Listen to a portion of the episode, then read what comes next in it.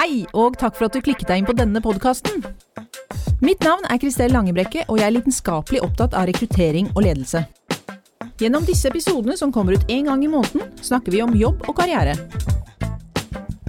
Du vil få et innblikk i hva som kreves for å være en god leder, du vil bli med i interessante diskusjoner om dilemmaer i arbeidslivet, og lytte til inspirerende gjester. Dette er rått og ekte, helt uten filter, og sammen med Hilde Lekven skal vi gi deg en god lytteropplevelse.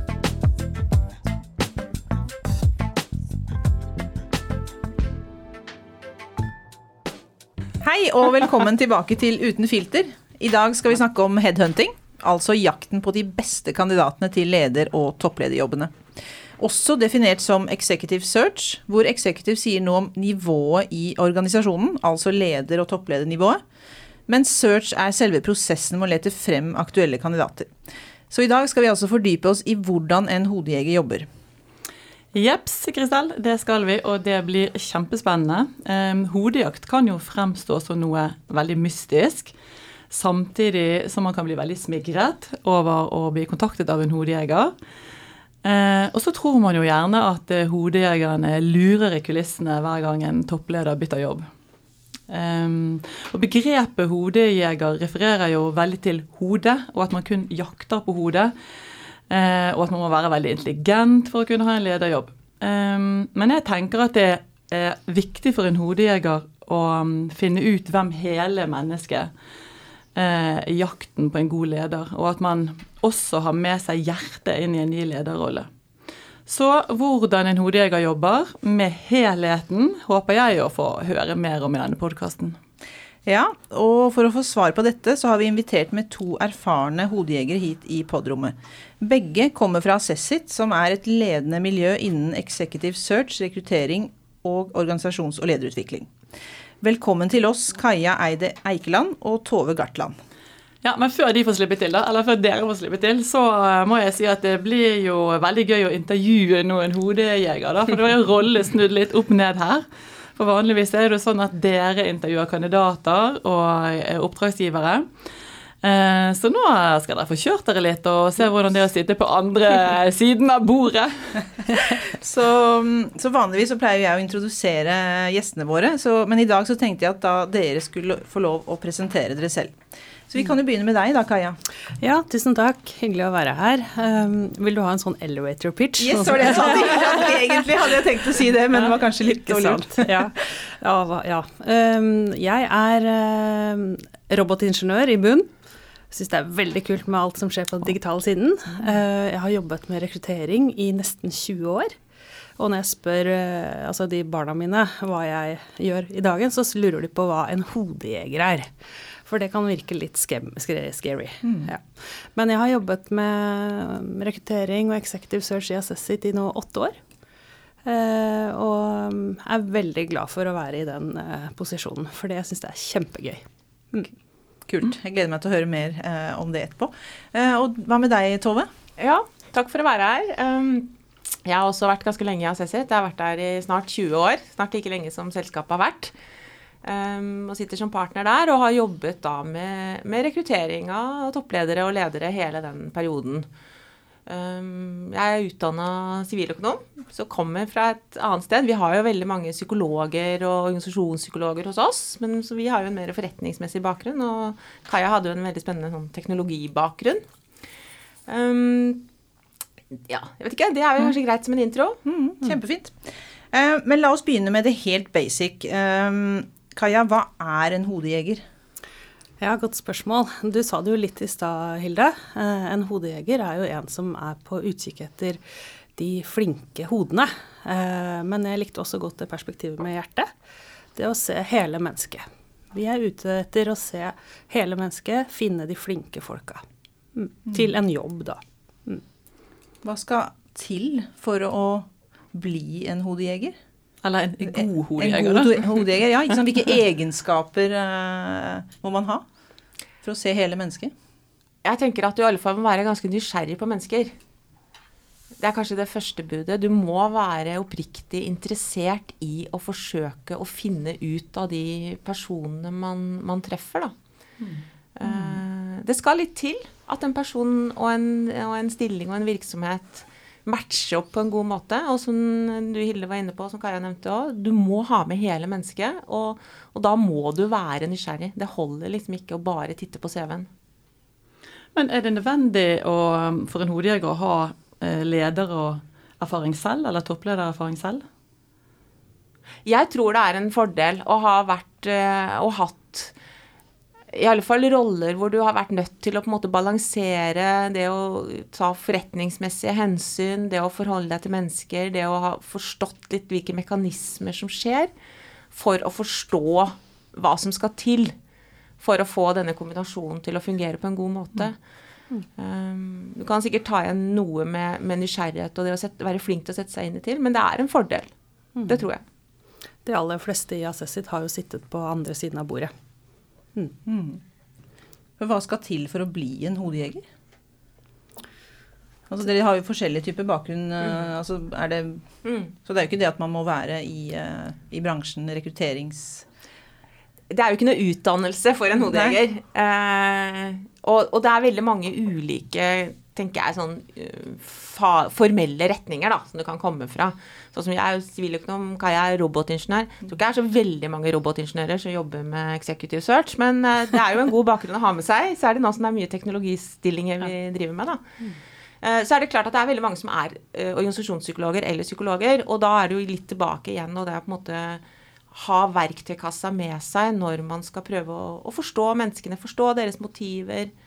Eh, bli kjent med dem for å se i hvilken grad de passer inn. Mm. Mm. Men Kaja, det er jo, ja, du ville si noe annet? Nei. Nei da, jeg skulle bare tilføye at det er jo vitenskap bak det vi gjør. Eh, vi mm. stiller ikke bare spørsmål helt sånn skyter løst. Det er jo mer um, strukturert og kompetansebasert det vi gjør. Og det fins også sertifiseringer man kan ta. Men det er jo ikke noe ren mm. utdannelse, da.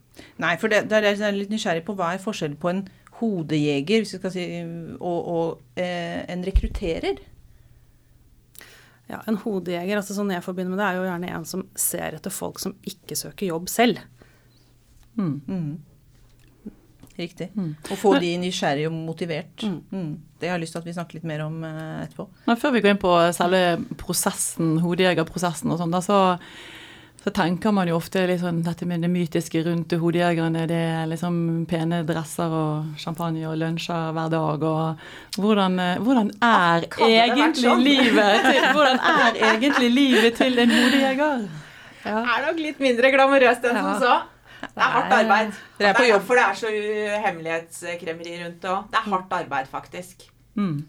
Hva er det som er hardt? Er det det at dere er på jobb 24-7? Altså hodet dere er ute, ute etter de beste hodene? Vi er ikke på jobb 24-7. Det er ikke vi heller. Men det er klart det er hardt arbeid, fordi er skal, Man skal finne fram til gode kandidater. Det betyr at man må kartlegge miljøer, man må på en måte ha god oversikt, man må bruke nettverkene sine. Eh, det å finne gode kandidater er ganske krevende, og du må lete ganske omstendig. Og det er kanskje litt hvordan bransjen er i dag, kontra litt sånn Iallfall det ryktet den hadde litt tidligere, hvor det var litt sånn Det gjaldt å være på telefonlista til hodejegeren, liksom. Og så ble kandidatene liksom resirkulert gang på gang. Jeg tror det er litt mer strukturert arbeid i dag, i alle fall for de fleste av oss. Men hva skal til for å bli kontaktet av en hodejeger? Hvordan Nå er vi inne på den delen av prosessen som mm. går på jakten på kandidaten. På kandidaten. Ja. Mm. ja. Vi jobber jo ganske strukturert når vi eh, jobber med search. Eh, vi vet også ganske mye om de forskjellige miljøene i de forskjellige bransjene. Og det er klart noen bemerker seg jo i forskjellige bransjer, og vi har ganske mye kontakt med veldig mange, kall det informanter, da. Flinke folk som er positive til å gi tips.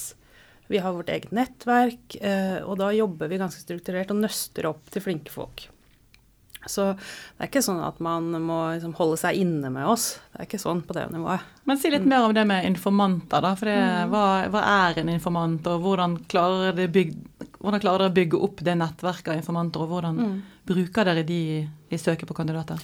Altså Før så har det kanskje vært sånn at kunder spør har dere en database med CV-er. Mm.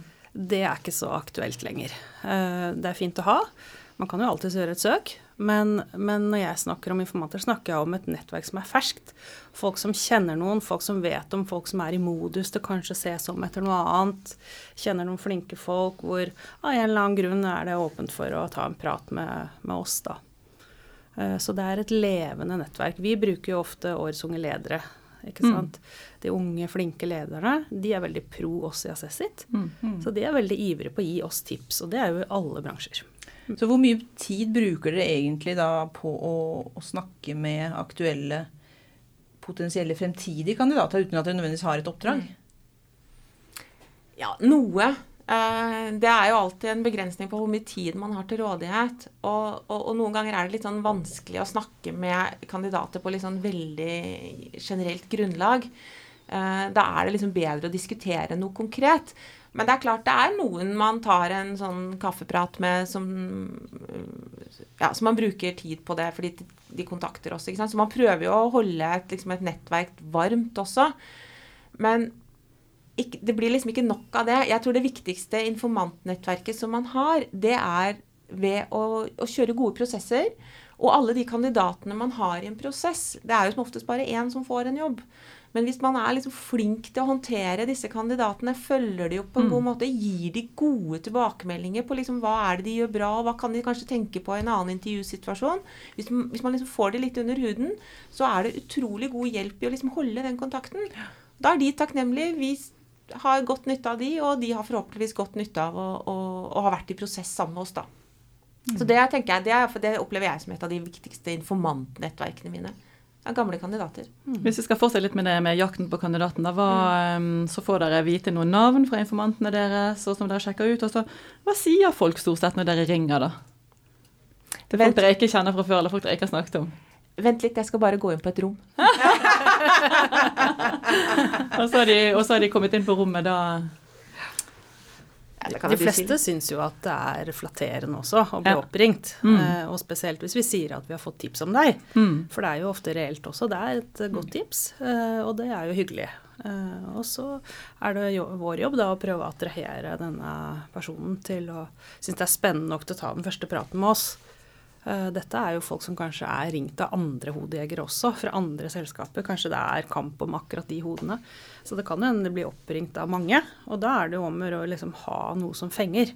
Mm. Det er derfor jeg mener at vi jobber ganske strukturert. Du får kanskje bare den ene sjansen til å ringe. Mm. For det er jo forskjell på å, å, altså det å søke en jobb eh, aktivt selv, så er du på en måte i en helt annet eh, stadie mm. motivasjonsmessig.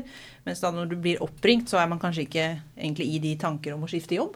Mm. Eller man kanskje er det. Men den modningsprosessen, da, fortell litt om den. Mm. Ja.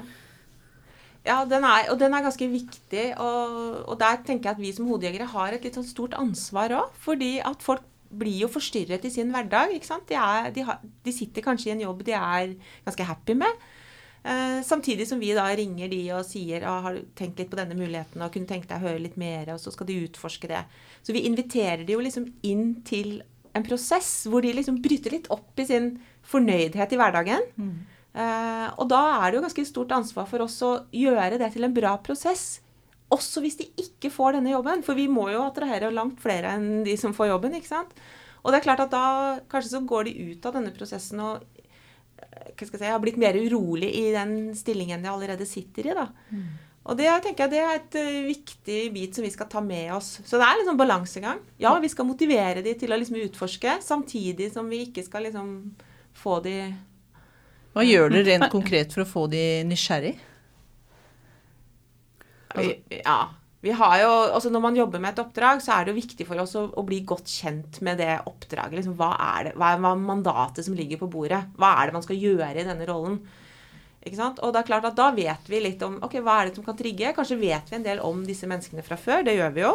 Og da vet vi liksom de liker den type ting. Liker, noen liker kanskje å komme inn og gjøre noen endringer osv. Så, videre. så det er liksom finne triggeren. Det kan være forskjellig fra person til person, egentlig. Men for å gå litt tilbake til de som ikke dere ble tipset om, og de dere ikke vet om i utgangspunktet. hvis man hvordan skal man gjøre seg tilgjengelig og synlig for en? Hva kan man gjøre for, å, for at headhunterne skal finne en, da? Ja, um, det er jo mange som er flinke til å skrive artikler f.eks. innenfor mm. det området de jobber med. Um, sosiale medier. Altså er man aktiv på det, så blir man jo fort mer synlig. Er det LinkedIn som gjelder da, eller hvordan Ja, LinkedIn er en av de. Mm. Mm. Det er viktig å fylle ut profilen sin på, på LinkedIn. Ja, hvis, hvis, du er en person som i utgangspunktet ikke er eh, kjent, Mm. eh, og har lyst til å gjøre deg oppmerksom, altså gjøre deg kjent, da, så må man jo bare gjøre seg litt mer synlig. Jobbe litt med LinkedIn-profilen, kanskje. Komme med noen eh, gode artikler innenfor det faget man jobber innen, da. Hva det enn måtte være. Mm. Men eh, kan jeg få lov til å stille ett spørsmål til, Kristel? Eh, for det at, nå gikk vi jo rett på dette med jakten på kandidaten, da. Og, mm, men før det så kommer jo det at dere har fått et oppdrag, da. Og em, vet oppdragsgiverne deres alltid nøyaktig hva de vil ha? Eller hvordan jobber dere med den prosessen? Nei, de vet jo ikke alltid hva de vil ha. eh, Men det er veldig viktig at vi bruker ganske mye tid innledningsvis med våre klienter. da. Stiller gode spørsmål. eh, At vi er omforente hva vi faktisk ser etter. Eh, Og der bruker jo vi metodeverk. Vi er ganske strukturerte. Vi har egne si, rammeverk for hvordan vi skal jobbe med det. Og, og da kommer det ofte opp ting som kanskje man stiller spørsmål til. Er det kritisk, eller er det viktig? Og hvis det er kritisk, så får man liksom avdekket det ganske tidlig. Og det er de samme tingene vi spør om gjentatte ganger i prosessen, da. Så vi Mm. måler ting flere ganger i løpet av en prosess. Spennende. Men, og så lurer jeg litt på altså, hvor, hvilke tilfeller velger en eh, oppdragsgiver da search, eller hodejakt, fremfor å lyse ut stillingen? Kan dere si noe om det? Er det noe dere, dere sammen finner ut av, eller hvordan eh, Jeg regner med at dere har noen anbefalinger? Ja, det, det kommer jo ofte litt an på nivået på stillingen også. Uh, når du kommer opp på et visst nivå, så er det litt vanskeligere å lokke spennende kandidater ut i en sånn tradisjonell søknadsprosess. Så der er det ofte sånn at kandidatene må ha litt hva skal jeg kalle det, hjelp. De må på en måte, det er et eller annet på at de nesten forventer å, å bli kontaktet hvis de anses aktuelle. Og at de, før de har blitt det, så er de litt avventende.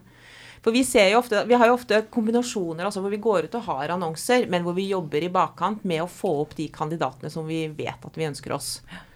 Og, og da er det jo veldig ofte sånn at når vi tar kontakt, så har de sett annonsen, og de har kanskje tenkt på det, sier de. Ja, de, så, de syns det så litt spennende ut.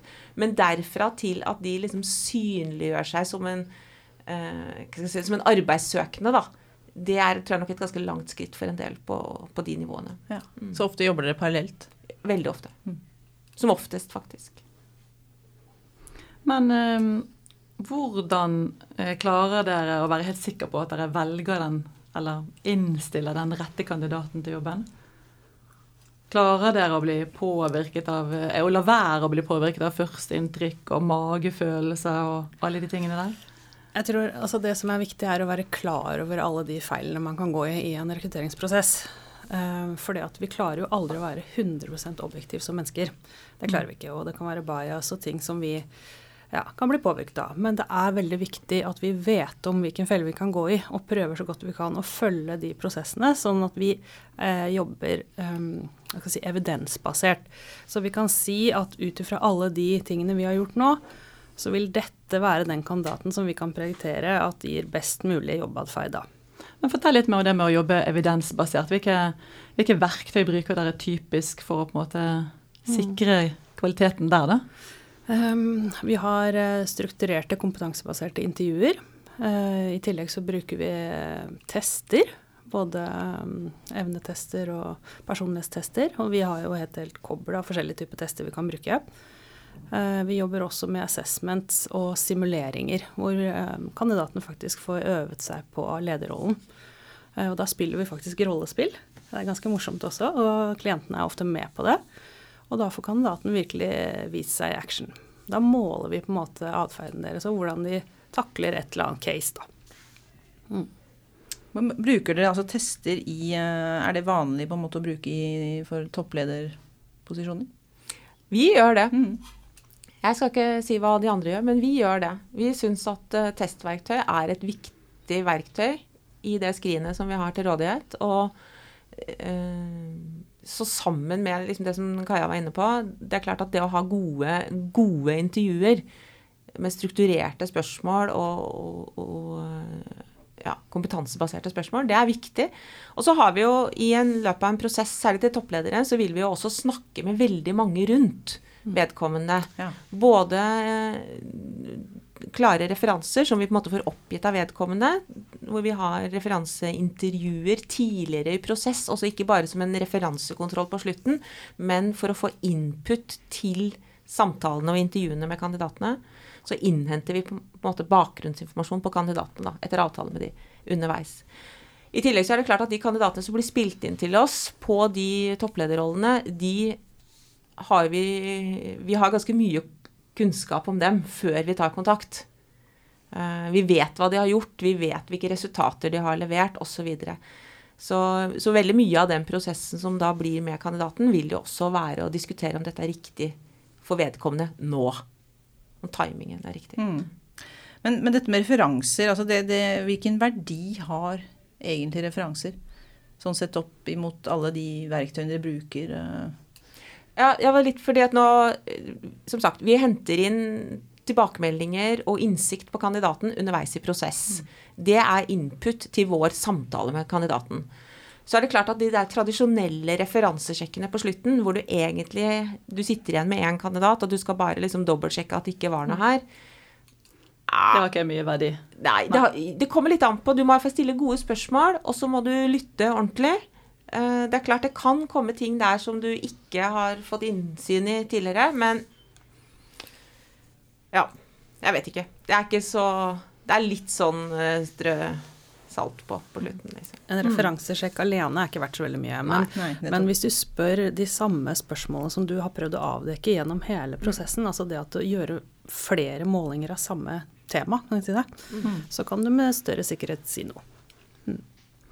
Mm. Men uh, tilbake til um, det med IQ uh, i forhold til dette med EQ, eller emosjonell, eller tenke med hjertet, da. Hodet vs hjerte, hele mennesket. Mm.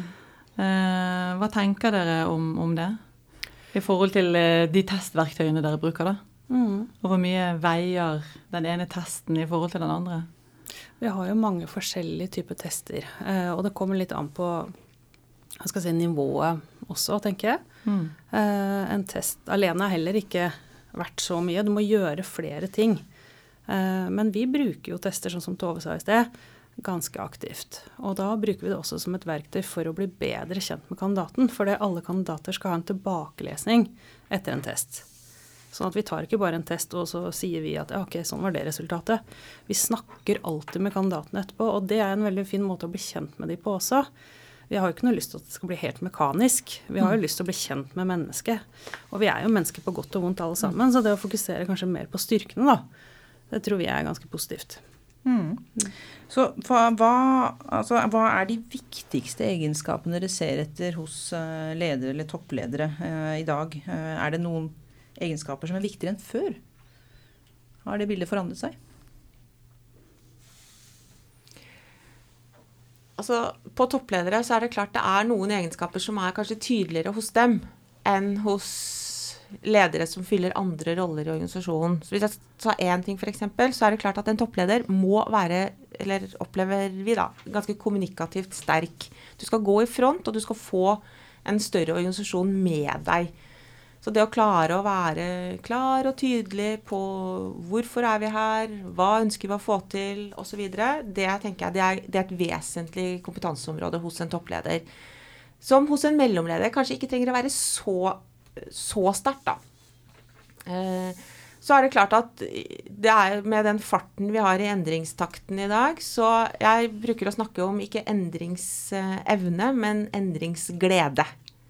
Og det går på at du jeg tenker som leder så må du nesten du må nesten ha kommet dit at du syns den endringen i seg selv er Den motiverer deg. Eh, for, for, det er ikke bare snakk om å stå i endring og klare endring, men det er faktisk snakk om å snu det til noe som vi egentlig syns er en ålreit side av hverdagen. Og skal man få en organisasjon til å det, ta det innover seg, så må i alle fall den som står på toppen, walk the talk, liksom. Mm. Mm. Så det er kanskje de to tingene som jeg tenker som er i dag Alle toppledere mener jeg må ha det med seg. Men uh, dette med bransjeerfaring, uh, må man ha det? Eller uh, kan en god leder lede hva som helst?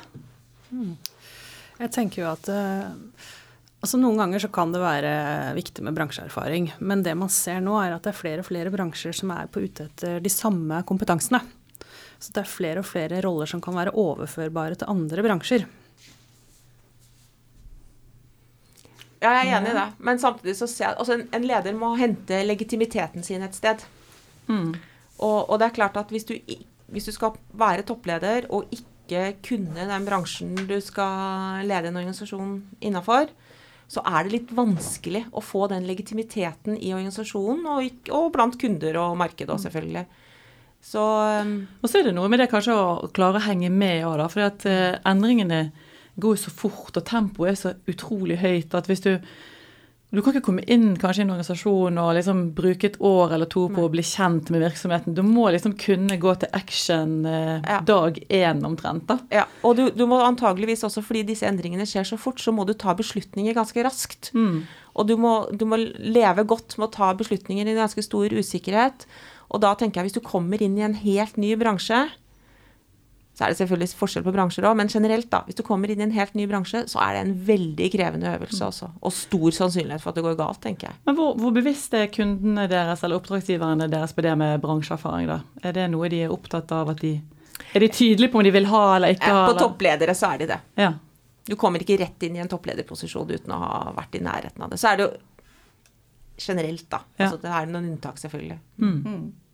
Det er min erfaring, iallfall. Vet ikke om du Mm. har noe å tilføye? Kaja? Enig. Men ok, så hvor viktig Altså de første 100 dagene sier man jo er ekstremt viktig i en topplederjobb. Um, Hvor viktig er oppfølgingen etter ansettelsen? Altså gjør dere noe der, eller hvordan Kan jeg si litt der? Det er, det, det. for dette er kjempeviktig. kjempeviktig. Fordi at den største risikoen i forhold til en, eh, til en ansettelse, da, den ligger akkurat i den fasen. Eh, Det er en større risiko der enn at det er en feilrekruttering, faktisk. Fortell. Jo, fordi at hvis du det er, mange, det er mye som skal matche. Du har kompetansen til kandidaten, det er timingen, og det er virksomheten. Og det å liksom, Veldig ofte så tror man at liksom bare man har fått signert og vedkommende har fått eh, satt opp en dato for oppstart, så går liksom resten av seg selv. Men det gjør det ikke alltid, altså. Det er da jobben begynner? Det er da jobben begynner. Og det, liksom det Hva er egentlig bestillingen? Hva er en styreleder opptatt av? Hva er det som har skjedd siden vi hadde den dialogen rundt Eller i ansettelsen, da. Det har skjedd så mye, og det er så stor risiko at ikke alt var sånn som man hadde eh, forventet, ikke sant? Så det å følge tett opp da, være tett på Er det noe som inngår i liksom det dere tilbyr kundene, da? At vi, dere, vi kan gjøre det. Så Ja. vi kan kjøre en litt sånn tydeligere onboarding-prosess. ja. mm. som, eh, hvor vi strukturerer opp den fasen, og hvor vi også kan gjøre en del assessment av kanskje da den ledergruppa som alle ledere ligger der, for å se på en måte hvor godt rusta er den til å jobbe videre. For å gi den nyansatte lederen da hva skal jeg si, en eh, litt mer informasjon i den fasen. Mm. Mm. Så, men i de tilfeller mm, dere bommer, eller altså Forhåpentligvis gjør dere ikke det ofte, men hva, hva skjer da? Har du noen form for garantier, eller Eh, Ja, vi har en form for garanti. Vi har det. Det er gudskjelov ikke ofte. Eh, Men eh, da vil vi jo selvfølgelig hjelpe til eh, og prøve å finne en, eh, enten en ny person og være samtalepartner da, for begge, både kandidat og kunden. Da. Mm. Ehm, Jeg tenkte vi kunne høre litt om dere har noe råd til, ehm, til både altså, potensielle kandidater og oppdragsgivere. Eh, så hvis vi begynner med, med kandidatene, hva er det viktigste en kandidat bør gjøre når man blir invitert inn i en eh, slik prosess? Har du noen tips, råd til eh, Det kan være små ting som avgjør om du blir nummer én eller nummer to. Eh, Interessant. Ja. Eh, Sånn at det å være litt forberedt, det er ikke dumt. Eh, Tenk litt på gode eksempler på hva du har gjort. Hva er suksesshistoriene dine? Eh, Og klar å formulere det sånn at det blir eksempler på hva du har gjort. Eller hvis du sier at du er sånn og sånn, eller, ja, så må du på en måte begrunne det med eksempler. Ja, for det blir veldig selvevaluerende. Alle vil si ja, jeg er utadvendt, og jeg er ditt og jeg er datt. Men ok, fortell om sist gang du sto foran en forsamling, da. Hva, hvordan forberedte du deg? Hva var tilbakemeldingen du fikk? Hvem hadde du med deg? Ja, det å tenke litt gjennom hva er det de ser etter? Hva vil de vite om meg? Det er nok litt, et lite tips jeg vil gi. Tove, hva med styrer og toppledere som står foran en ansettelsesprosess? Hvilke, råd har du til dem? Det er jo, ja, ja, det er jo en smart ting å gjøre. Ja. Eh, nei, jeg tenker at det, det, er, det, er, veldig viktig at når man jobber eh, med å, å, få på plass en toppleder, så skal det være riktig for virksomheten, og det skal være riktig for kandidaten. Og det skal være riktig timing. Det skal være på, en måte på riktig sted i, i karrieren til kandidaten. Og det er litt sånn viktig at man går inn i prosessen og reflekterer godt rundt det. Um, er, det, er, denne stillingen riktig for meg nå? Uh, kanskje skal jeg liksom vokse litt inn i stillingen. Det er fullt mulig. Men det å liksom gjøre en, si, en god analyse av seg selv inn i den rollen, og ikke være opptatt av at man skal selge inn seg selv, selv om man har lyst på jobben, men en ordentlig god analyse, en reflektert analyse, som du deler med oss som headhuntere, og selvfølgelig med den styrelederen eller den virksomheten som skal ansette. Det tror jeg er viktig. For det vi, det vi ser etter, er jo personer som har god selvinnsikt og en ærlighet i forhold til sin egen, si, sin egen person. da. Mm. Uh, og, og, det som ikke fungerer, det er å liksom prøve å presentere et glansbilde. For, for, vi vil egentlig bare redusere risiko og ta ut et potensial. Og da må vi liksom da må vi kna den materien ganske godt, altså. Mm. Og se om begge parter passer sammen. Ja, og begge parter passer sammen. Uh, fordi hvis ikke så blir det feil, og det blir uheldig for begge parter. Mm. Så, så, det tenker jeg, det å liksom virkelig gå inn og, og vise hvem er jeg, hvordan er min karriere på dette tidspunktet? Hva er jeg klar for nå? Mm. Og ikke minst, hva trenger jeg rundt meg for å lykkes med det som da skal gjøres i denne virksomheten, f.eks.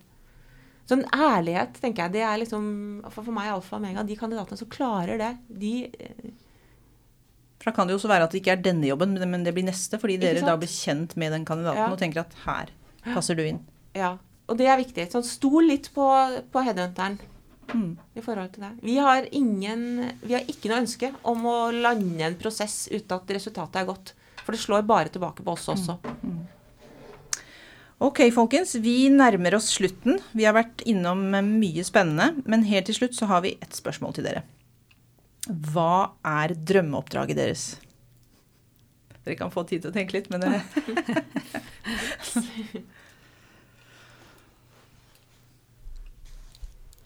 Ja, det må jeg tenke meg litt om. Altså, det var ikke så lett.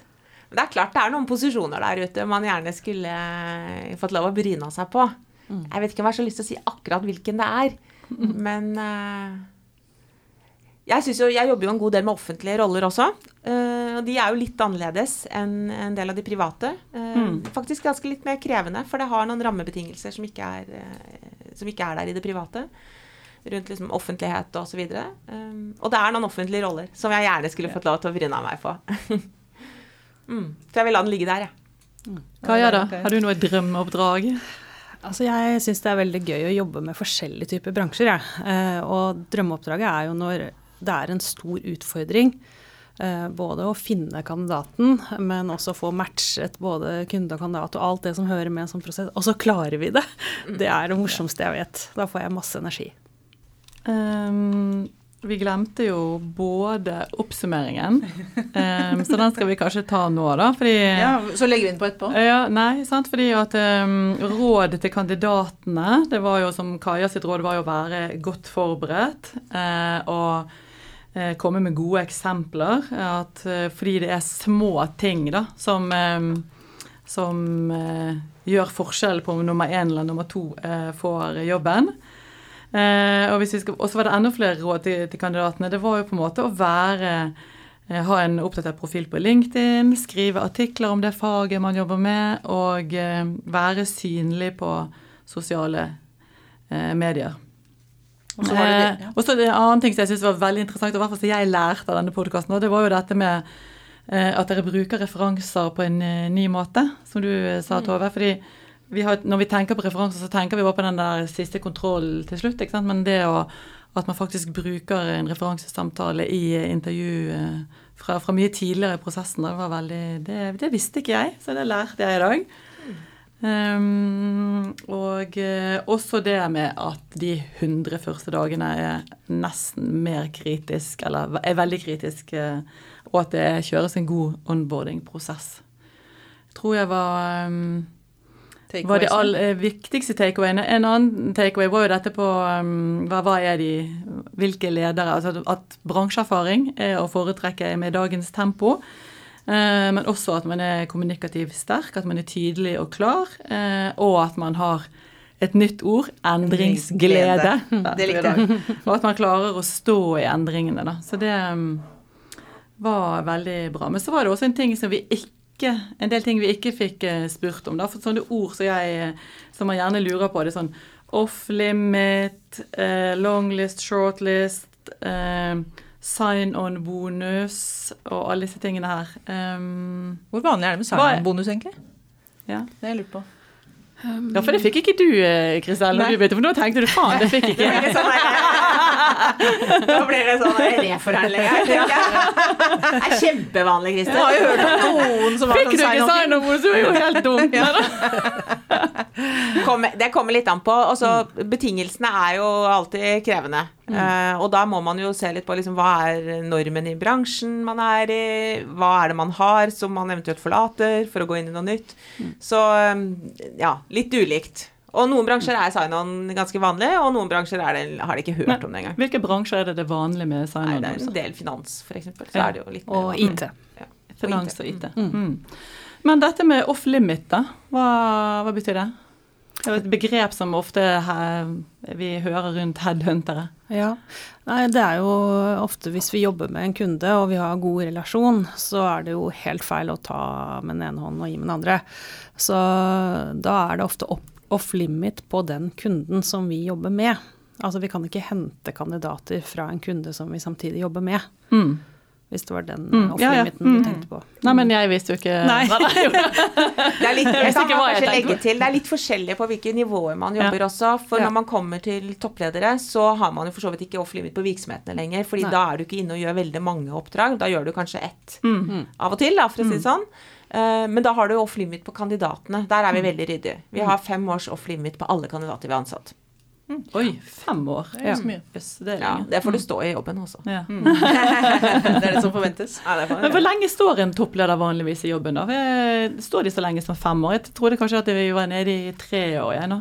Det er litt forskjellig, da. Ja. Så ja. Jeg tror det er veldig Du har noen år ikke igjen. Jeg har ikke sett noe sånn, akkurat noe statistikk på det, men det kommer jo litt an på både hvor stor og kompleks virksomheten er og så videre. Mm. Mm. Kristel er nemlig ute etter jobben min. Hvis hun...